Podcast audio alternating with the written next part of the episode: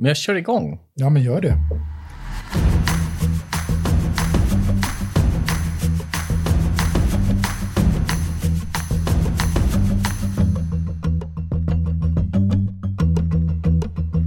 Hej, jag heter Martin Hugosson och är VD på Group M. Men idag är jag programledare och du har hittat dig fram till ett avsnitt av Martin snöar in. Nu sitter jag i Group M's poddstudio tillsammans med Mats Georgsson. Men istället för att du presenterar dig själv så har jag googlat dig lite. Så vi börjar med att snöa in på dig. Okej. Okay. Så det jag hittar är att du har forskat inom marknadsföring. Du mm. har jobbat och kanske till och med jobbar som en global marknadschef. Du har mm. drivit en framgångsrik byrå själv. Du sitter i styrelser. Du skriver krönikor för Resumé. Många lyssnare kan ha haft dig som föreläsare när de pluggade. Eh, du var med och grundade Facebookgruppen Mad Mats och idag är du CMO för Polygene. Mm. Jag har säkert missat en del. Man kan själv gå in på LinkedIn eller sådär och kolla, men stämmer det i stort? Det stämde väl bra i stort. Jag nämnde Polygene. För de som inte känner till det, kan du beskriva vad ni gör? Ja, visst. Um, det är rätt häftigt tycker jag. 2004 så var sars-epidemin stor. Då kom ett antal företag och även läkare och sjukvård och så här till Perstorp i Sverige och frågade ni som är så bra på kemi, kan inte ni göra någonting? Inte virus och bakterier eh, trivs på toastolar, dörrhandtag och sånt där på sjukhus. Jo visst, sa de, och så började de mecka. Det var ju bara det att när de var klara så hade ju sars gått över och gradvis var inte det där så himla enkelt därför att sjukvården är ganska trög normalt sett att sälja till. Då såg man ju istället att så här, ja, men, sa, samma behandlingar, fast med lite olika formel då, men liknande, tar ju bort bakterier och då håller det kläder fräscha längre. Då behöver man tvätta mindre, eh, det är lättare att sälja på second hand. Och det här är ju faktiskt en av de stora miljöproblemen i världen att textilindustrin skitar ner något fruktansvärt på grund av att vi överkonsumerar kläder hela tiden. Så då blev det en hållbarhetsgrej. Vi jobbade på det och det gick rätt bra. Sen kom corona. Och då ställde vi om blixtsnabbt och grävde upp alla de här andra grejerna. Så att nu har vi då antivirala behandlingar på allt möjligt. Ansiktsmasker, eh, vi behandlar kläder och eh, alltså snygga liksom, kläder från de kändaste modehusen och så vidare kommer liksom med antivirala egenskaper. Det vill säga att eh, hänga av dem i två timmar bara så har 99% av virusen försvunnit. Det är ju tragiskt på sitt sätt att corona har ju snarare blivit ett uppsving för det företaget. Så vi har haft jättemycket att göra operativt. Apropå mm. det här att inte normalt sett inte behöva svettas så mycket med vardagen. Men det har varit väldigt mycket för mig den här våren utifrån sociala medier när man googlar dig så ser man att du hela tiden har en förmåga att förhålla dig till siffror och statistik, även i svåra frågor där kanske känslor ibland tar överhanden. Hur, hur gör man det? Tack, det tar jag verkligen som en komplimang, för jag försöker verkligen. Rakaste vägen på att försöka få folk att tycka mindre och strukturera upp vad de egentligen vill få sagt och så vidare är ofta att försöka liksom gå tillbaka till fakta, visa det, eh, kanske ibland tona ner övertalningsambitionen mot att istället försöka visa den bilden man själv ser pedagogiskt. För att kanske inte alltid omvända alla, men åtminstone få folk att respektera att man har en viss åsikt. Om vi kommer in lite mer på ämnet då. Mm. Uh, jag frågade dig, så här, vilka områden ska en modern CMO ha koll på tycker du?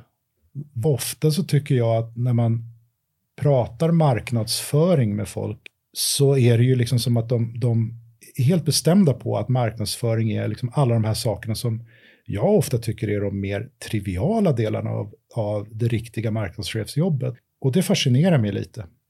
Så som svar på din fråga, eh, man bör kunna väldigt mycket om sitt eget företag, mm.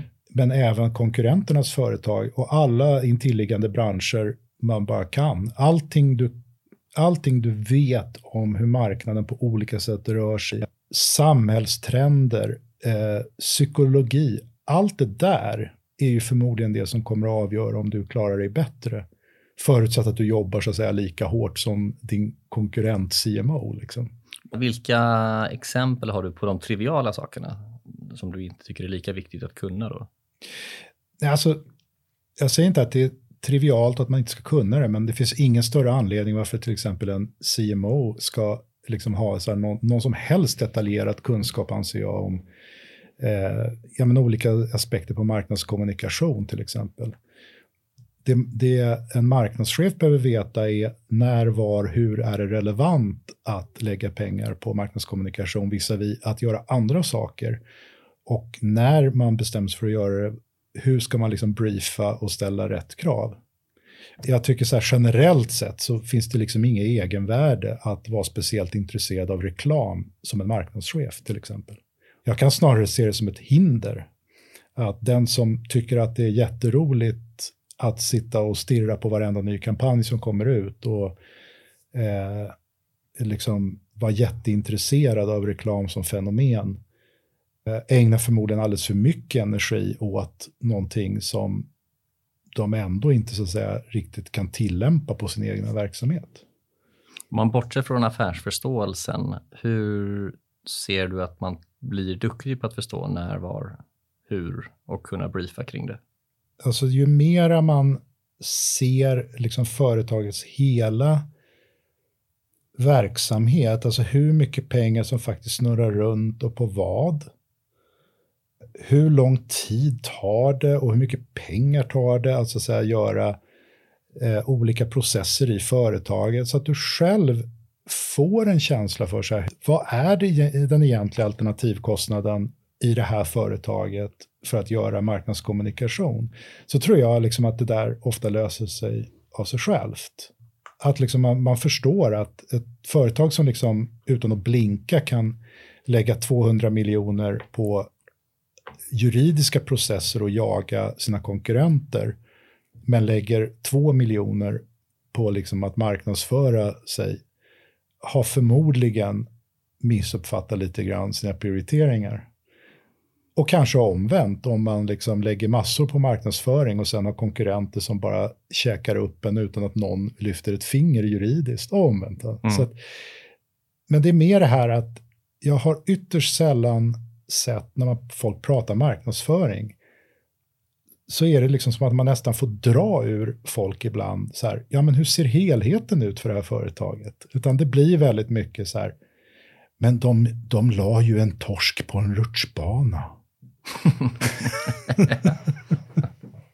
Kommer den typen av eh, färdigheter blir mindre viktiga givet att data blir mer tillgängligt? Det kommer bli enklare att snabbt få en överblick givet att data kan visualiseras smidigare, enklare, mer automatiserat än det har varit tidigare.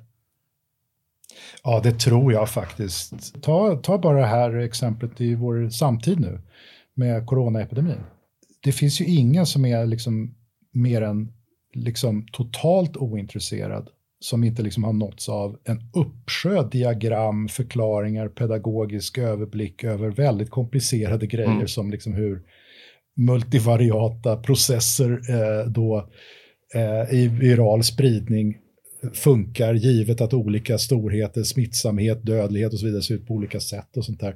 Det är ju rätt fantastiskt egentligen. Och det där skulle ju absolut inte ha skett ens för tio år sedan. Nej. Så hade vi inte haft liksom en möjlighet att generera alla de här grejerna. Så det, det, tror jag. Men sen är det ju också så att du måste ha en allmänbildning att, vad ska jag säga, studsa den där överblicken mot. Eh, jag ser ju väldigt mycket storföretag idag som staplar kopior på varandra. Alltså, jag förstår liksom inte. En mellanchef där har ju för fasen 300 olika mått de utvärderas på. Mm. Och det är ju klart att liksom, det skapar ju allt annat än överblick och prioritering. Det enda är ju att det bara skapar en massa ångest. För det går ju inte att förhålla sig till 300 mätetal. Det är ju liksom bara att, då är det ju bara att ge upp och jobba på som vanligt.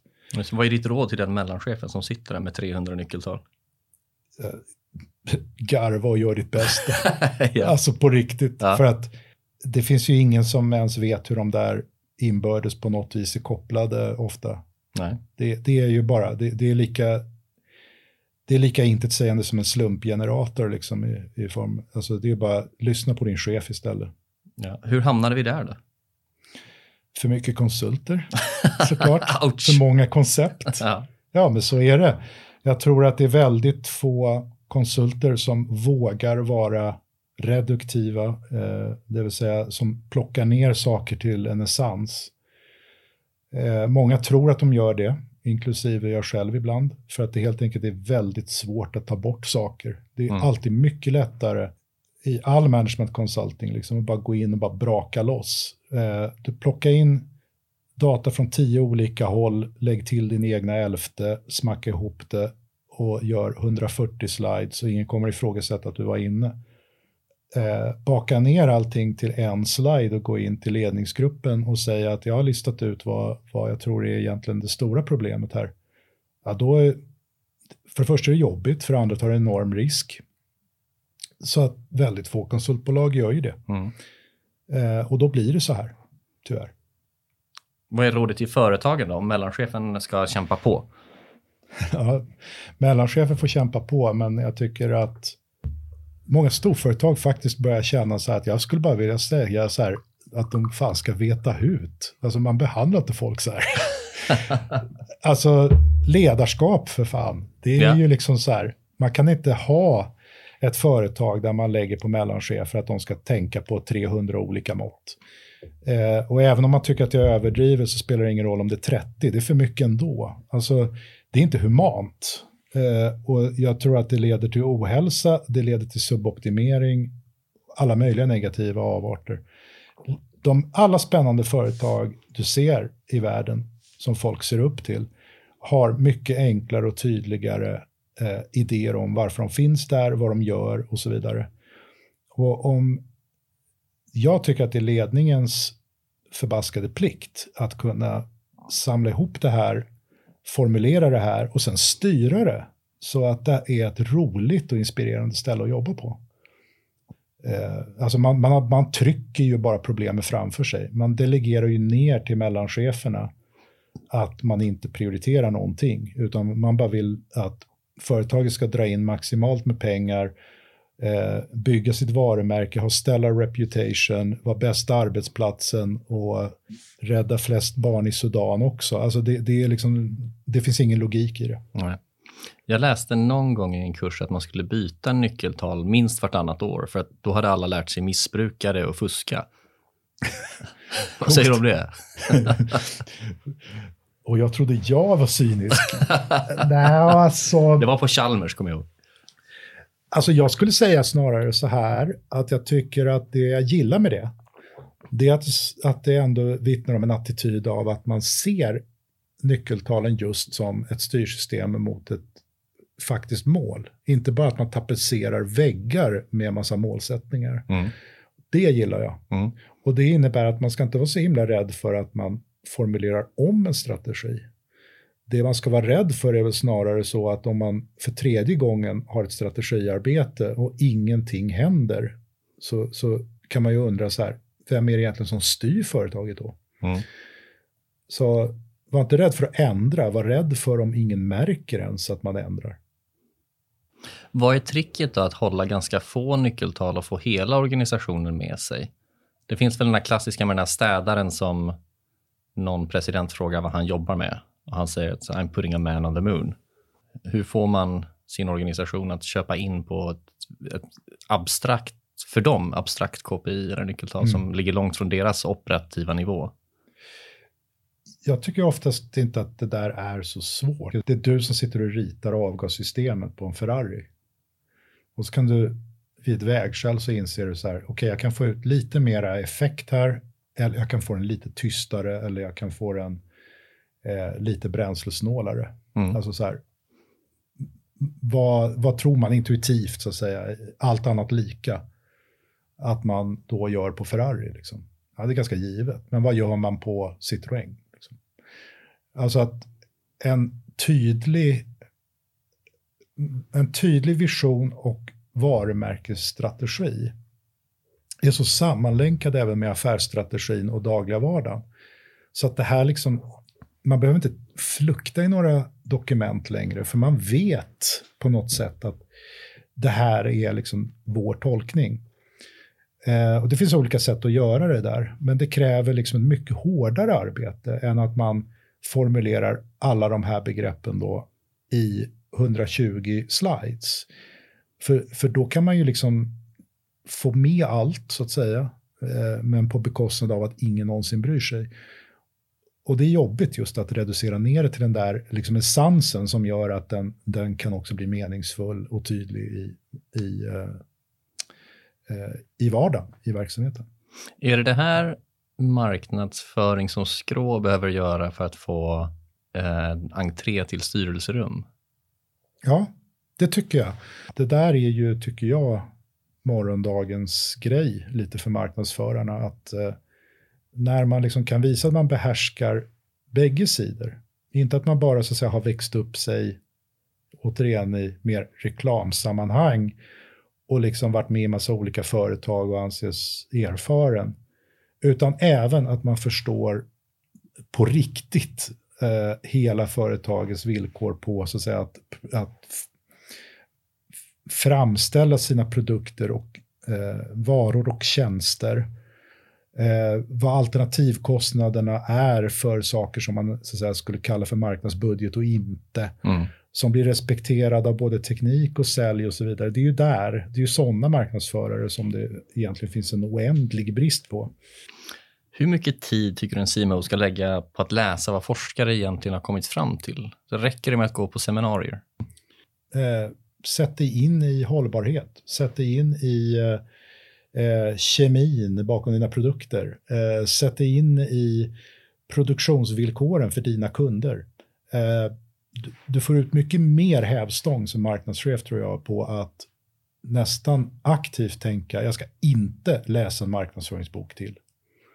Vi hade Johanna Salman här som gäst som var inne på samma spår, att man måste verkligen förstå affären. Eh, men hon sa också att hon uppmuntrade marknadsförare att vara modiga. Tycker du att svenska marknadsförare är för fega? Jag ser nog inte egentligen kanske ett egenvärde i att vara modig. Märkligt nog. För mig är ju allting instrumentellt. Eh, jag tycker ju många roliga marknadsförare är jätteroliga och jag blir jättesympatiskt inställd. Men som proffs så är det ju också så att jag bedömer det mycket mer utifrån, går det där hem i målgruppen eller gör det inte? Vissa varumärken är ju så att säga att de ska vara så trygga så att de faktiskt ska vara fega. Så det finns ju inget egenvärde. Men kan det Men, inte vara modigt att inte följa strömmen då som det här kanske stora stabila företaget och kanske mm. lite mod eh, jag tänker på den boken du tipsade mig om för jättelänge sedan, Blue Ocean Marketing. Att ja, vara den där första som går in i en ny mm. paketering eller ny målgrupp. Eh, krävs inte en del mod ändå? Jo, alltså på ett sätt kan man väl säga så här att det krävs ju alltid mod för att göra affärer. Mm. Uh, och eh, ja, du vet ju, du, du sitter ju själv på en ledande befattning. Det handlar ju om att egentligen det finns massa riskfaktorer. Det finns riskfaktorer du kan göra någonting åt, det finns riskfaktorer du inte kan göra någonting åt. Det man kan försöka göra är ju att minimera de risker man kan göra någonting åt. Och det är det jag menar, att jag kan väl, jag förstår vad man menar och vill ju gärna liksom hålla med med hjärtat, men jag skulle väl utveckla det till att säga att ja, allting är ju kalkylerad risk. Var inte rädd för att ta en kalkylerad risk. Men jag tycker det är viktigare att man vet vad man gör. Alltså det här är ju också varför jag har ganska svårt, till exempel för reklamdiskussioner. För att i 90 procent av fallen så tycker jag att det är så här, titta, de gjorde det här, jag tycker det är bra. Det ger mig en bra känsla. Jag tycker också att det är viktigt att de tar upp X och så vidare. Jag blir helt skakad i mina fundament. Jag förstår liksom inte varför en professionell marknadsförare överhuvudtaget ska börja sin analys med vad de själva tycker till att börja med. Mm. Och för det andra så är ju så att säga, hur viktig du än tycker att en fråga är, så är det ju så att det är bara huruvida det här ihopkopplat med vad de så att säga, vill göra och på vilket sätt det kan antas ha en effekt som är det intressant att prata om. Jag tycker det är jättebra med till exempel väldigt mycket av eh, hållbarhetsfokuset som har kommit. Därför att jag tror faktiskt att mycket i, efter den första vågen av greenwashing så har det ju liksom det här växt upp väldigt bra och företag gör ofta väldigt seriösa saker och så vidare. Men är det effektivt? Ja, det är ju effektivt så att säga det är viktigt att det är effektivt. Därför att om det här bara blir en massa så att säga, grejer som någon tyckte var viktigt så kommer det ju att dö. Man måste ju liksom ha den här professionella bedömningen om det här faktiskt levererar mervärde för sitt företag också. För att annars är ju, är ju risken inte bara på kort sikt att det var en dålig kampanj, det kan man ju överleva, men det är ju att det kommer ju släcka hela eh, hållbarhetsarbetet för många företag om det drivs för mycket bara på en magkänsla av vad någon tycker känns bra och vad någon tycker är viktigt. Har du något tips där hur man parkerar sin magkänsla och vågar ta en kalkylerad risk som man inte har påverkat själv? På en första nivå så är folk väldigt mycket att de tänker marknadsföring i, liksom i case. De tittar på företag de som anses framgångsrika och så tittar man på vad de har gjort, företrädesvis reklammässigt. Och sen säger man så här, vi ska göra ungefär så, fast liksom, man gör bara en egen twist och så kopierar man i princip någon. Det där leder ju liksom ingen vart, du lär dig ingenting, du, du har ju liksom ingen bredd, du vet inte kontexten på varför de gjorde just det där och så. Därför måste man upp en nivå och orka läsa teori. Men det räcker inte med att bara läsa teori heller, utan du måste också orka tillämpa det här i huvudet själv.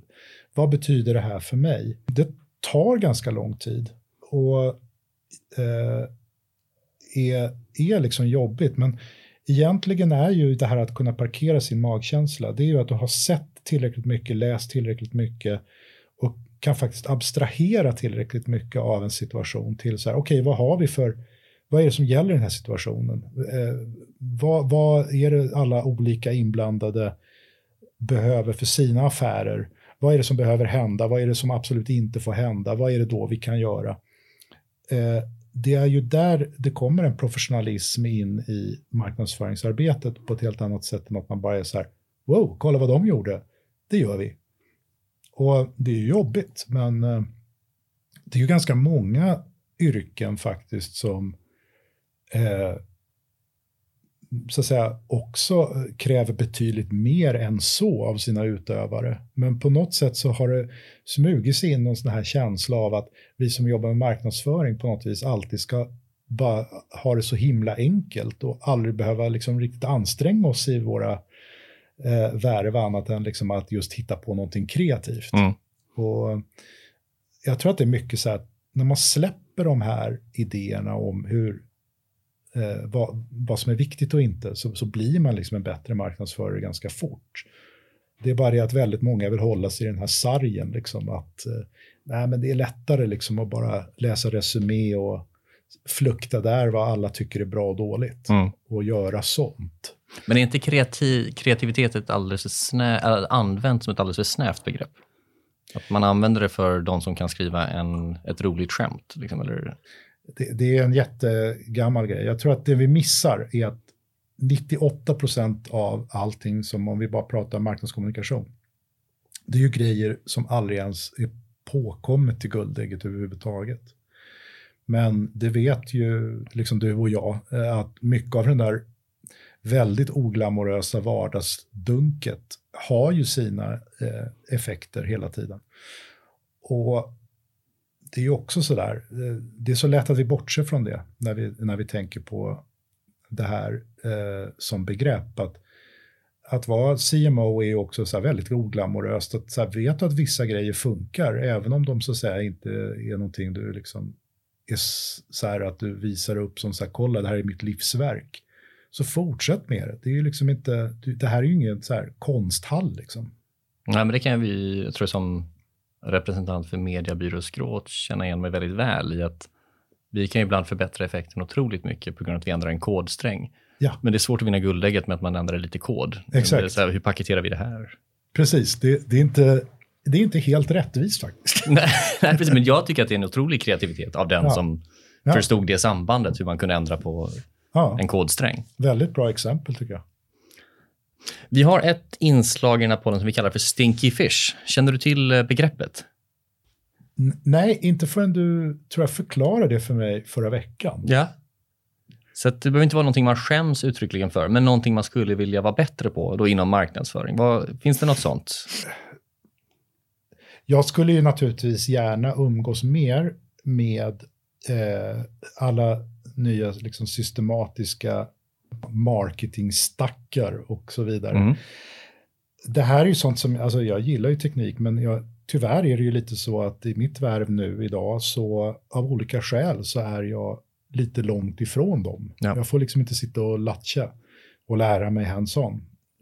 Så det tycker jag, alltså jag klarar mig ju ändå, men det är med lite, som nästan lite sorg, för att jag gillar ju siffror och modellering och bök. Så att jag skulle tycka det var roligt. Så det skulle jag gärna vilja veta mer om.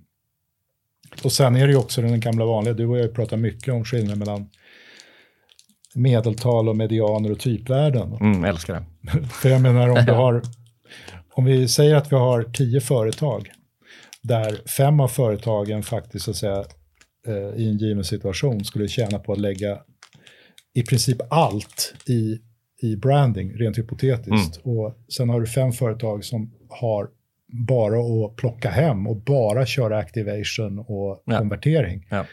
Så säger ju snittet kanske liksom att det är 50-50 i den rätta formen, vilket skulle suboptimera 10 av 10 företag då om det var hela populationen. Va? Ja, exakt. Så att jag stör mig lite på att, men det här är ju villkoren tyvärr för oss som ska jobba som gurus, att näringslivet älskar ju förenklingar och överdrivna förenklingar. Mm. Och då tar man med sig till exempel en sån här grej som 60-40 och så blir det så här, wow.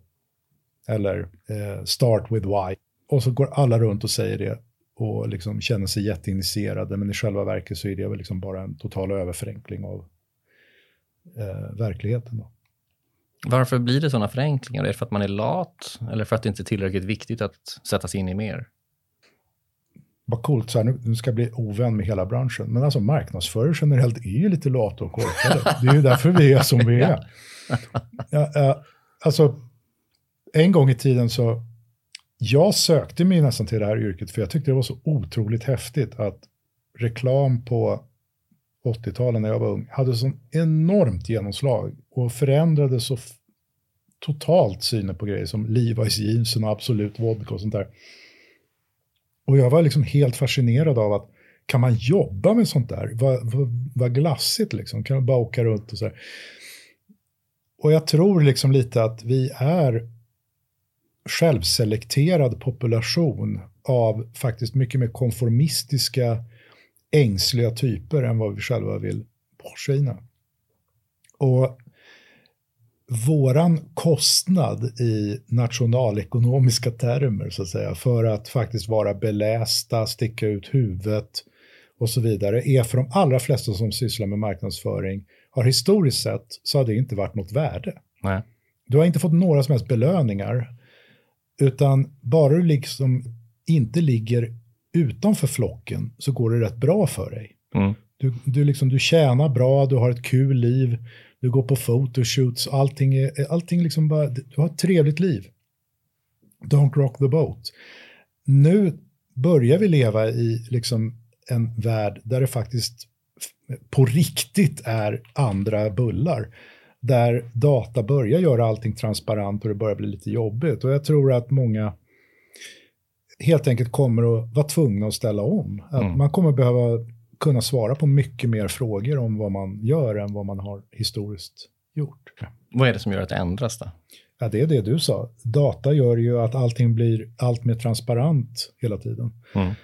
Och eh, då, då blir det helt enkelt svårare för den som inte så att säga, orkar ta diskussionen om så här, vad är det egentligen du gör?